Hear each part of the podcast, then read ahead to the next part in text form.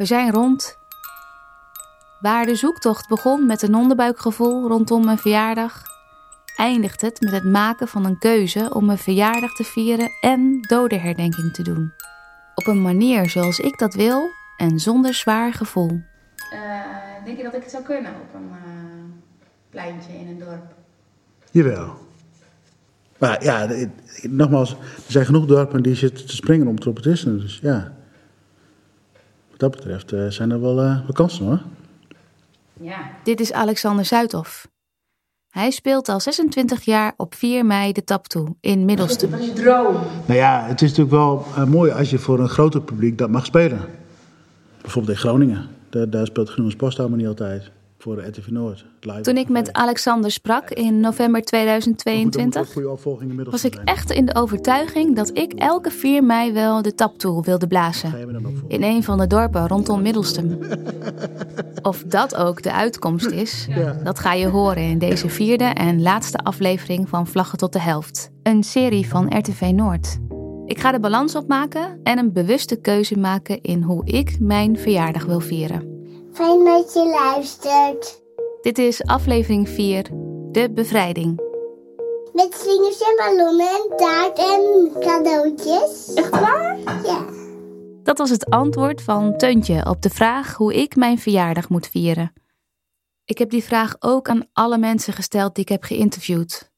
Om welke reden ik ze ook interviewde, ik stelde de vraag. De antwoorden lopen erg uiteen. Je hoort hier een selectie. Dat vind ik 4 mei, ja, dat vind ik toch geen dag om een feestje te vieren. Je eigen uh, verjaardag voor pauze zet. Ja. Zes van de eh. zeven keer vier ik mijn verjaardag dan niet op 4 mei. Dus dan zou ik tijdens de dodenherdenking totaal geen last hebben van het feit dat ik op 4 mei jarig ben. Dus dan... Maar goed, als ik op 4 mei jarig zou zijn, dan denk ik dat ik toch uitga voor de voorkeur dat je het op een andere dag doet. Ja. Ik vind het ook wel mooi dat mensen een dag op je verjaardag stilstaan bij gruwelijke dingen die, gebeuren. En dan kan je eigenlijk, uh, zou de ontlading dan heel groot moeten zijn. Dat je je verjaardag viert en dat je er dus nog bent. Weet je wel? Maar... Nu duizelt mijn hoofd weer. Maar het voelt anders. Het voelt lichter. Het voelt niet meer zo zwaar. Als ik in 2022 de familieopstelling doe, op zoek naar mijn familiegeschiedenis, zie ik dat mijn oma verschrikkelijke dingen meemaakte in de Tweede Wereldoorlog en dat dat aan de foute kant gebeurde. Mijn oma, Ekelien, heeft gewerkt in het hoofdkwartier van de SD in Groningen, het schooltehuis. In de volksmond het voorportaal van de hel genoemd. Ik twijfel dan nog of ik het verhaal helemaal tot in de puntjes moet uitzoeken en ik heb een telefonisch gesprek met de opstellingscoach Lulu, die me over de streep helpt. Weet je, het maakt niet uit of het verhaal van je oma nou helemaal helder wordt. Het gaat erom dat je kunt zeggen van de oma, ik buig voor jou. Ja. Ik heb respect voor jou. Jij hebt van alles meegemaakt. En welke keuzes je ook gemaakt hebt, jij bent mijn oma. Ja. En jij bent de beste oma voor mij. Want als je oma er niet was geweest, dan was ik er niet geweest. Was jij er niet geweest. Dus het verhaal, ik werk nooit met verhalen. Daar ben ik ook helemaal niet in geïnteresseerd. Want het verhaal is het construct, is dat wat ergens van gemaakt wordt. Maar in de onderstroom kan het soms heel anders zijn. Ja. Het klinkt heel cliché, maar toch. Als Ekeline er niet was, was Jannie er niet. En als Jannie er niet was, was ik er niet. Zij waren de beste voor mij. Na de ontdekking dat mijn oma in het schooltehuis werkte, vroeg ik me af of ze NSB'er was. Was ze daar vrijwillig gaan werken of onder dwang? Het was voor mij een reden om weer naar Evelien van Dijl te gaan. De kunstenaar die je in de vorige aflevering hoorde, is naar het Nationaal Archief gegaan in Den Haag. En zij heeft wel helemaal uitgeplozen wat haar ouders en grootouders in de Tweede Wereldoorlog hebben gedaan. Ik vraag me af wat het haar heeft gebracht, die zoektocht. Nou, eigenlijk dat er altijd uh, zo'n zo'n zweem omheen was. Daar is iets mee. En, niemand praat erover. En er werd, er werd nooit een antwoord op gegeven. Altijd werd er weer omheen gedraaid en gekletst.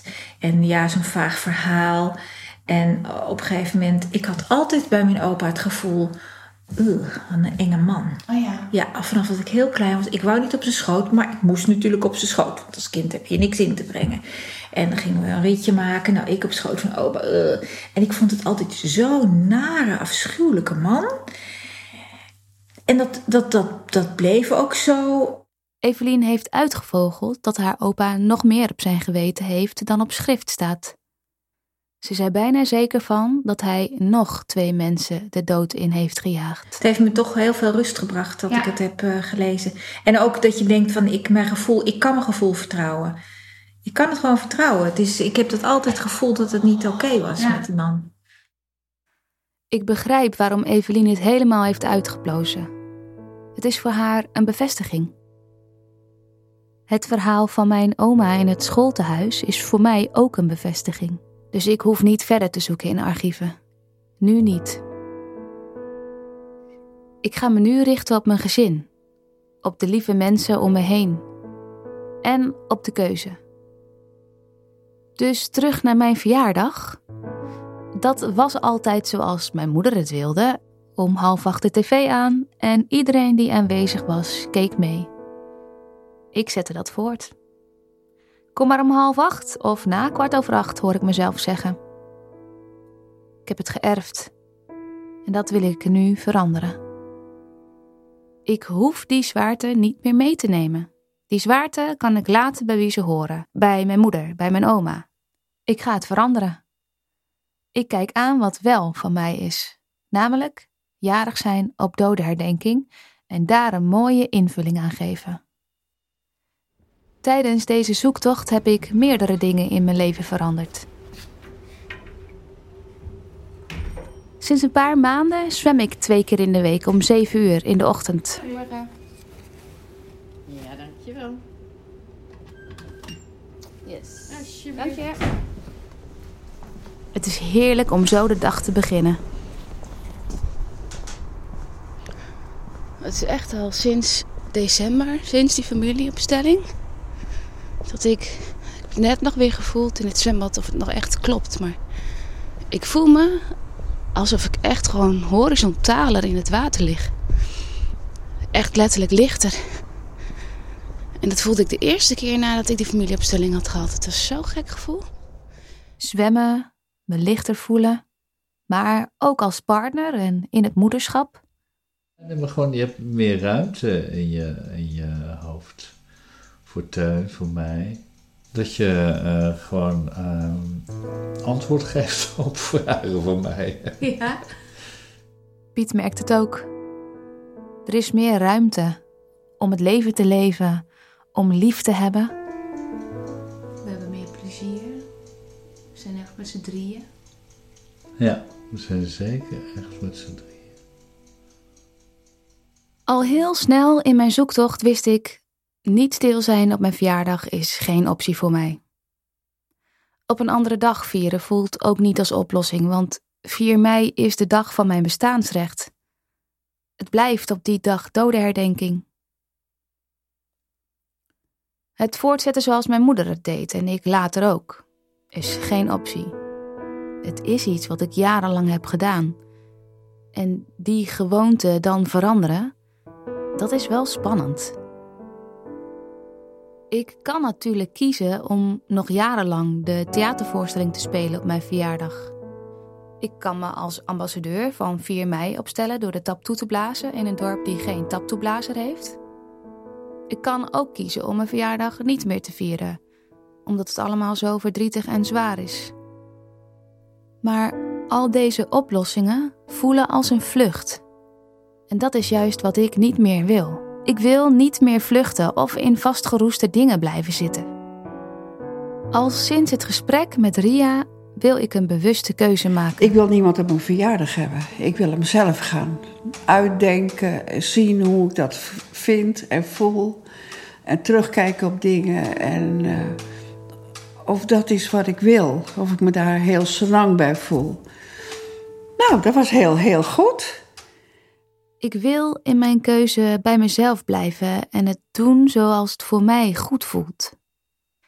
Ik wil doen wat me blij maakt, ondanks het verdrietige moment op mijn verjaardag. Ik spreek daarover met mijn buurman Vincent, die ook coach is. En dan is het gewoon heel liefdevolle en zachte muziek. Mensen zijn fijn en liefdevol met elkaar in contact en aan het spreken. Er spelen wat kinderen. Die hebben plezier. Dat is toch prachtig? Ik zie bijna tranen in ja, de ogen. het raakt me ook heel erg. Dat, Ja. dat- alleen dat gevoel al is gewoon, geeft me zo'n gelukgevoel. Ja. Ja.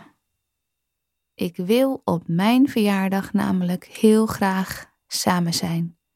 In verbinding met de lieve mensen om me heen. Nou ja, ik denk je kan je verjaardag vieren, maar je komt natuurlijk toch niet om 4 mei heen. Ehm, je zou de mensen kunnen uitnodigen om ja, het met elkaar te vieren en daarna je verjaardag voor te zetten. Evelien heeft een inspirerende oplossing. Maar dat je dus eigenlijk inderdaad de groep mensen om je heen ook zo waardevol vindt om dat samen mee te vieren. Ja, je kan zelfs nog iets van maken door de, ieder jaar iemand anders te vragen om iets korts te zeggen erover. Ja, dat het echt een samen zijn wordt. Ja, dat is een heel mooi idee. Durf ik niet. Durf je wel. Durf je wel. Ja hoor. Je durft het en je kan het. En dan eh, misschien weer even mooi op de trompet. En eh, daarna is je verjaardag weer aan bod.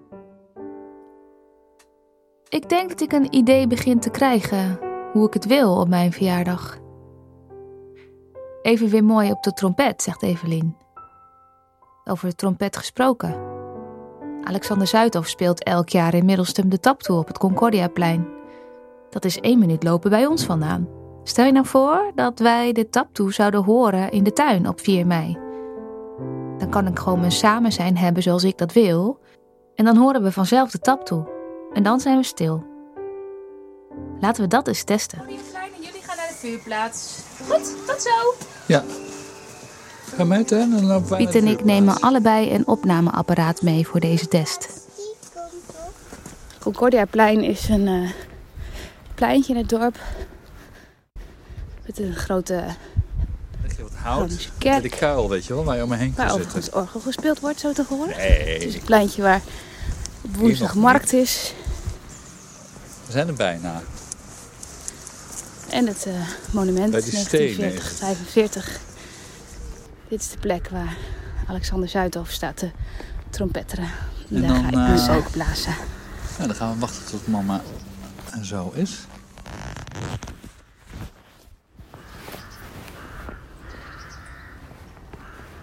Ik hoor ook. Het is natuurlijk ook meer. Wat zeg je, Assen? Als het zo lang duurt, dan gaan we wel even daarheen. Goed? Ja, nou, ik weet niet of het heel lang gaat duren. Ik denk dat mama zo meteen wel eh, daar is. Op kantoor op Concordia Plein. Het is echt heel gek om hier te staan. Ik durf ook niet. Vogel! Voor de poel. Maar wat is dat dan? Ik weet niet, ik denk dat het bij die bouwplaats is. Maar rassenelboog bedoel je? Eh, ja. ja, bedoel ik, ja. Oh, Marijke belt. Begrijpen? Hey, Teentje. Eh? Hebben jullie de, hebben jullie de, de trompet gehoord? Nee. Nee. Nee? De tweede keer hoorde Piet heel ver weg iets. De wind moet precies goed staan, willen we het goed kunnen horen, denk ik. Als ik in de tuin mijn verjaardag wil vieren, moeten we toch goed de tijd in de gaten houden. De klokkentoren horen we wel in de tuin.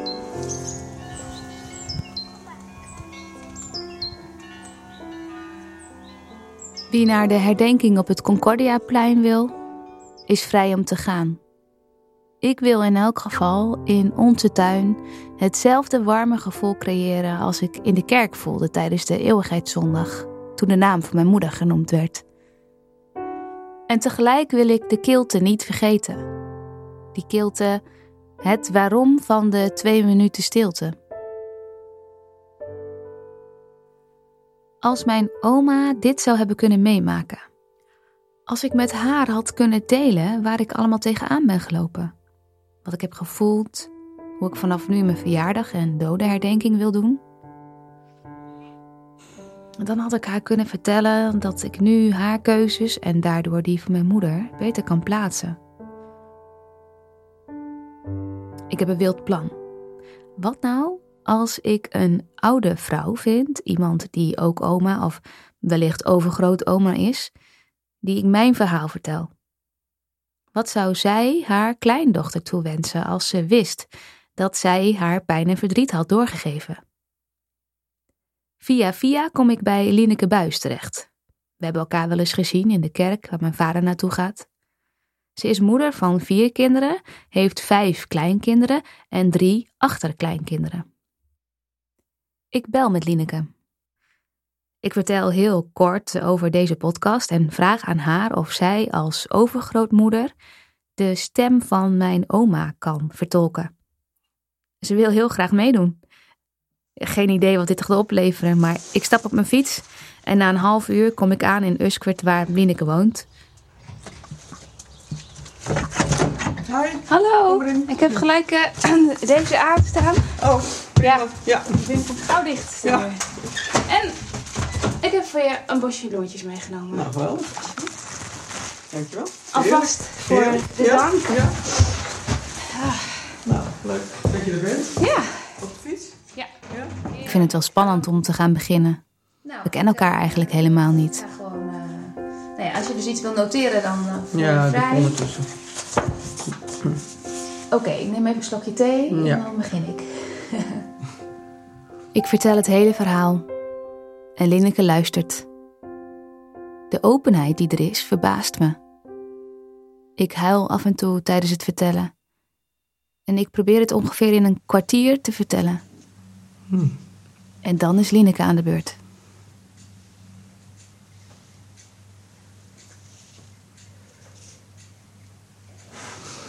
Ja, nou, zal ik maar beginnen?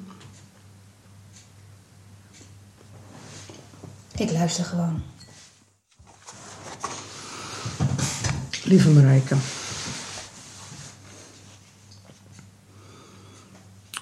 Ik ben heel erg blij dat ik ehm, jouw verhaal gehoord heb. En dan denk ik, als ik dat nou eens eerder had gehoord, eerder in mijn leven.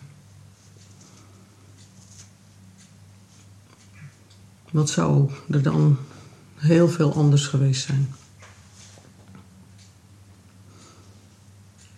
Wat jij nu voor mij doet, dat is, ehm, ja, dat is iets heel moois.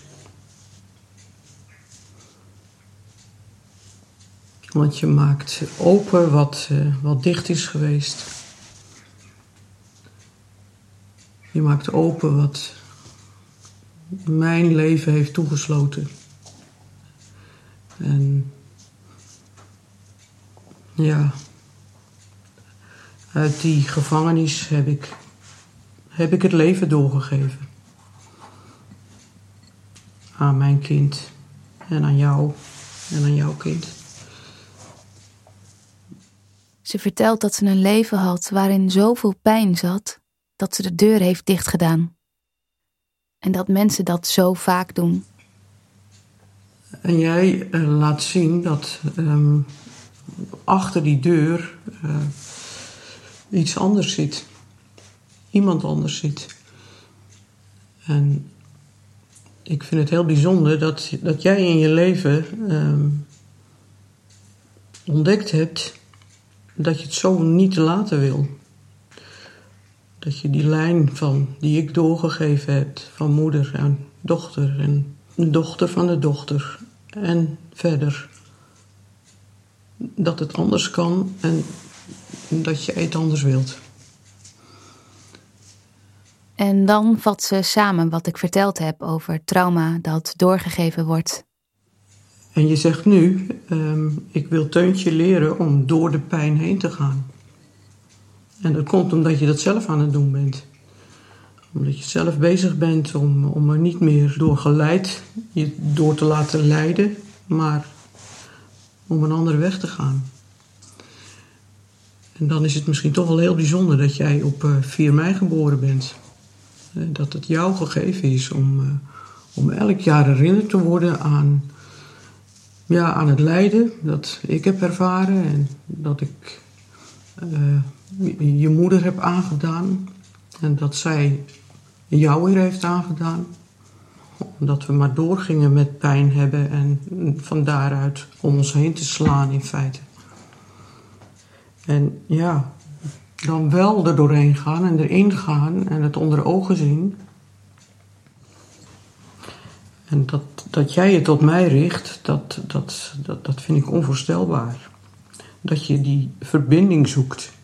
Want weet je, ehm, dat, dat, uh, dat we verbonden zijn, dat is. Uh, ja, dat, dat, dat is gewoon zo. En dat is iets moois. Dat kan niet anders. Het kan niet anders dan dat dat iets goeds is. En daarom wil ik, ja, wil ik je vragen om daarmee door te gaan. Om, um, ja, om zo uh, aan mij te denken en aan Jannie en aan jezelf en aan Teuntje. Um, ik denk dat dat mijn wens is dat je leeft.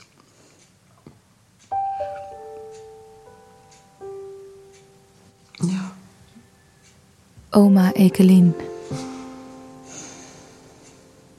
Ja. Die niet mocht of niet kon spreken na de oorlog. Ik zie haar. Jeetje. Ik maak een hele diepe buiging voor mijn oma. En ik maak ook een hele diepe buiging voor mijn moeder. Jannie. Mijn oma en mijn moeder. Beide pijn gehad en ze hebben er niet over kunnen vertellen. Maar daarmee aan mij doorgegeven. Die pijn, dat verdriet, dat is niet van mij. Het is niet mijn verdriet. Ik wil anders omgaan met lastige dingen in mijn leven, zoals Lineke het ook zegt. Ik wil de angst en de pijn niet wegstoppen, maar het meenemen, het aankijken en er doorheen gaan. Dan maar de pijn voelen, want ik weet dat als ik het niet aanga, Teuntje en wie weet haar kinderen dat weer op hun bordje krijgen. Lineke, die zo mooi en zo onverwacht mijn oma vertolkt, ze zegt dat het wellicht het lot is dat ik op 4 mei geboren ben. Ik kan nu de cirkel doorbreken. In therapie ben ik daar nu mee bezig. Ik leer de pijn te verwerken in plaats van weg te stoppen. En niet alleen de pijn van mijn oma, maar ook wat ik in de rest van mijn leven tegenkom. Ik leer nu heel bewust dat ik iets kan veranderen. Wat ik wil veranderen is hoe ik met de pijn en het verdriet omga. Ik wil voelen wat er met me gebeurt in mijn lijf. En niet meer alleen praten als een wandelend hoofd, want dan ga je het voelen voorbij, zoals Jos zegt, mijn therapeut. En dat voelen, dat wil ik graag aan Teuntje leren. Maar daarvoor moet ik het eerst zelf leren. Hey Teun, Weet je nog dat we gisteren over verjaardag hadden? Wat gingen we ook alweer doen op de verjaardag? Op mijn verjaardag deden we 40, jouw verjaardag dan de herdenking. Ja, inderdaad. Mijn verjaardag spurtig gedaan. Jouw verjaardag dan de herdenking. Ja. Ja, ik wil dodenherdenking doen. En eigenlijk heeft Teuntje wel gelijk. Dodenherdenking is voor mij nu net zoiets om naar uit te kijken als de speurtocht waar zij naar uitkijkt. Omdat ik voel dat het mooi wordt. Een ritueel. Dus ik heb bedacht het als volgt te doen. Ik nodig mensen uit met wie ik het liefst wil samen zijn op mijn verjaardag. We gaan samen eten en we maken buiten een kampvuur. Vanaf half acht is er een dodenherdenkingsmoment met elkaar. Er kan iemand een gedicht voordragen, een anekdote delen. We zijn samen. Serieus, maar liefdevol. Omdat de mensen die voor onze vrijheid en hun eigen leven hebben gevochten, de liefde alsnog mogen ontvangen. En ik hoop zo dat Teuntje later met een fijn en warm gevoel naar mijn verjaardag terug gaat kijken.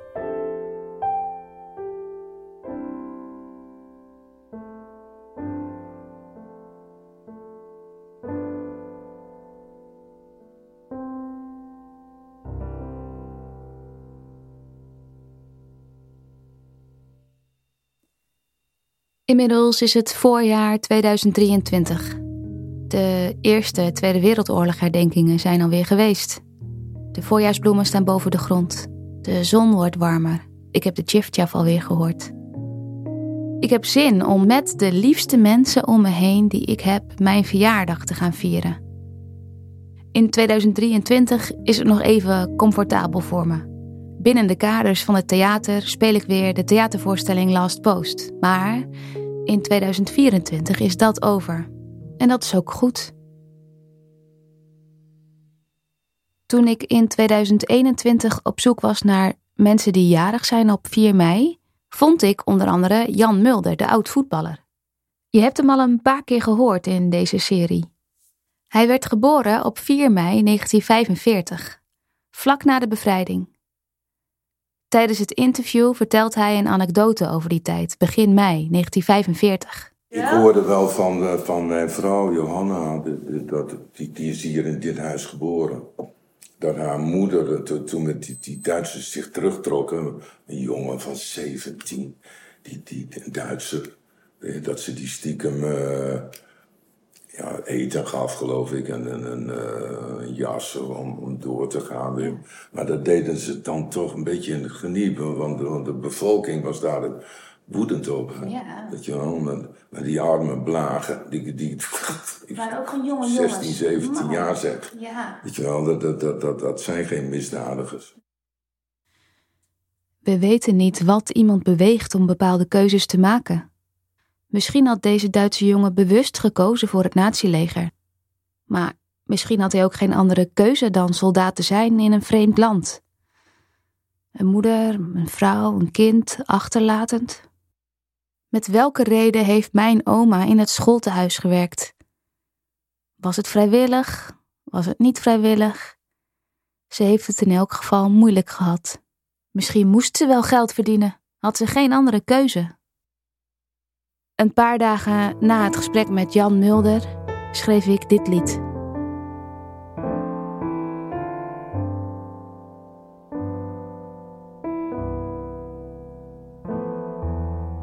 Ver van huis, als je kracht verloren is, de strijd verloren werd en je de aftocht blaast.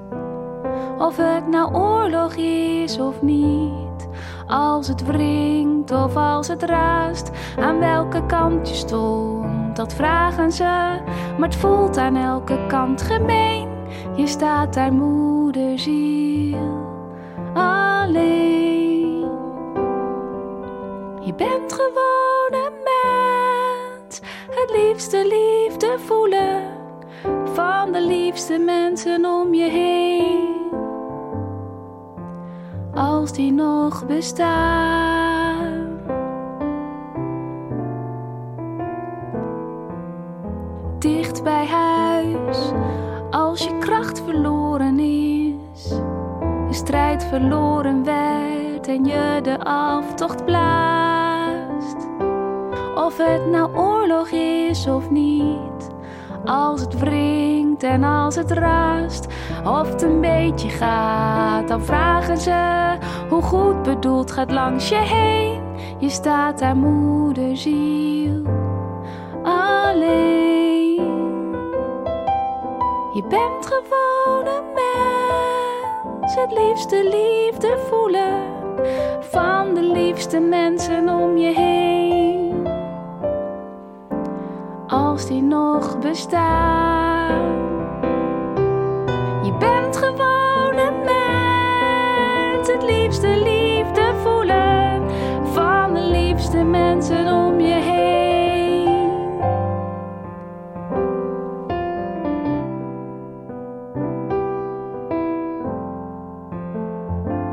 Mijn oma, die ik via deze zoektocht heb mogen leren kennen waar ik van ben gaan houden. De beer die ik van haar kreeg, krijgt een heel mooi nieuw plekje. Dit was de laatste aflevering van Vlaggen tot de Helft, een podcastserie van RTV Noord. Een hele grote dank aan de kritische proefluisteraars Marijn, Sophie en Ruby. Alle mensen die meewerkten, heel erg bedankt voor de kwetsbare verhalen die ik mocht delen en een plek mocht geven in Vlaggen tot de Helft. Met name Ria Cohenno, René de Vries en Evelien van Duil. Grote dank aan Piet, die de muziek maakte. Piet en Teuntje samen voor jullie geduld. Menno Schreuder maakte het beeldmerk en de eindmix is van Matthijs Duringhof. Maarten Dallinga, enorm bedankt voor de tijd en energie om me te coachen in dit bijzondere proces. En jij, luisteraar, enorm bedankt voor het luisteren. Stel je open en leef. Deze podcast kwam onder andere tot stand met hulp van Werktuig PPO en de Kunstraad Groningen. Wil je dat nog meer mensen deze podcast luisteren? Laat dan een recensie achter op Apple Podcasts of Spotify. Dat maakt het makkelijker voor mensen om deze podcast te vinden. Voor reacties op Vlaggen tot de helft ga je naar marijkemeems.nl. En wil je meer weten over de theatervoorstelling Last Post? Kijk dan voor de speeldata op last-post.nl.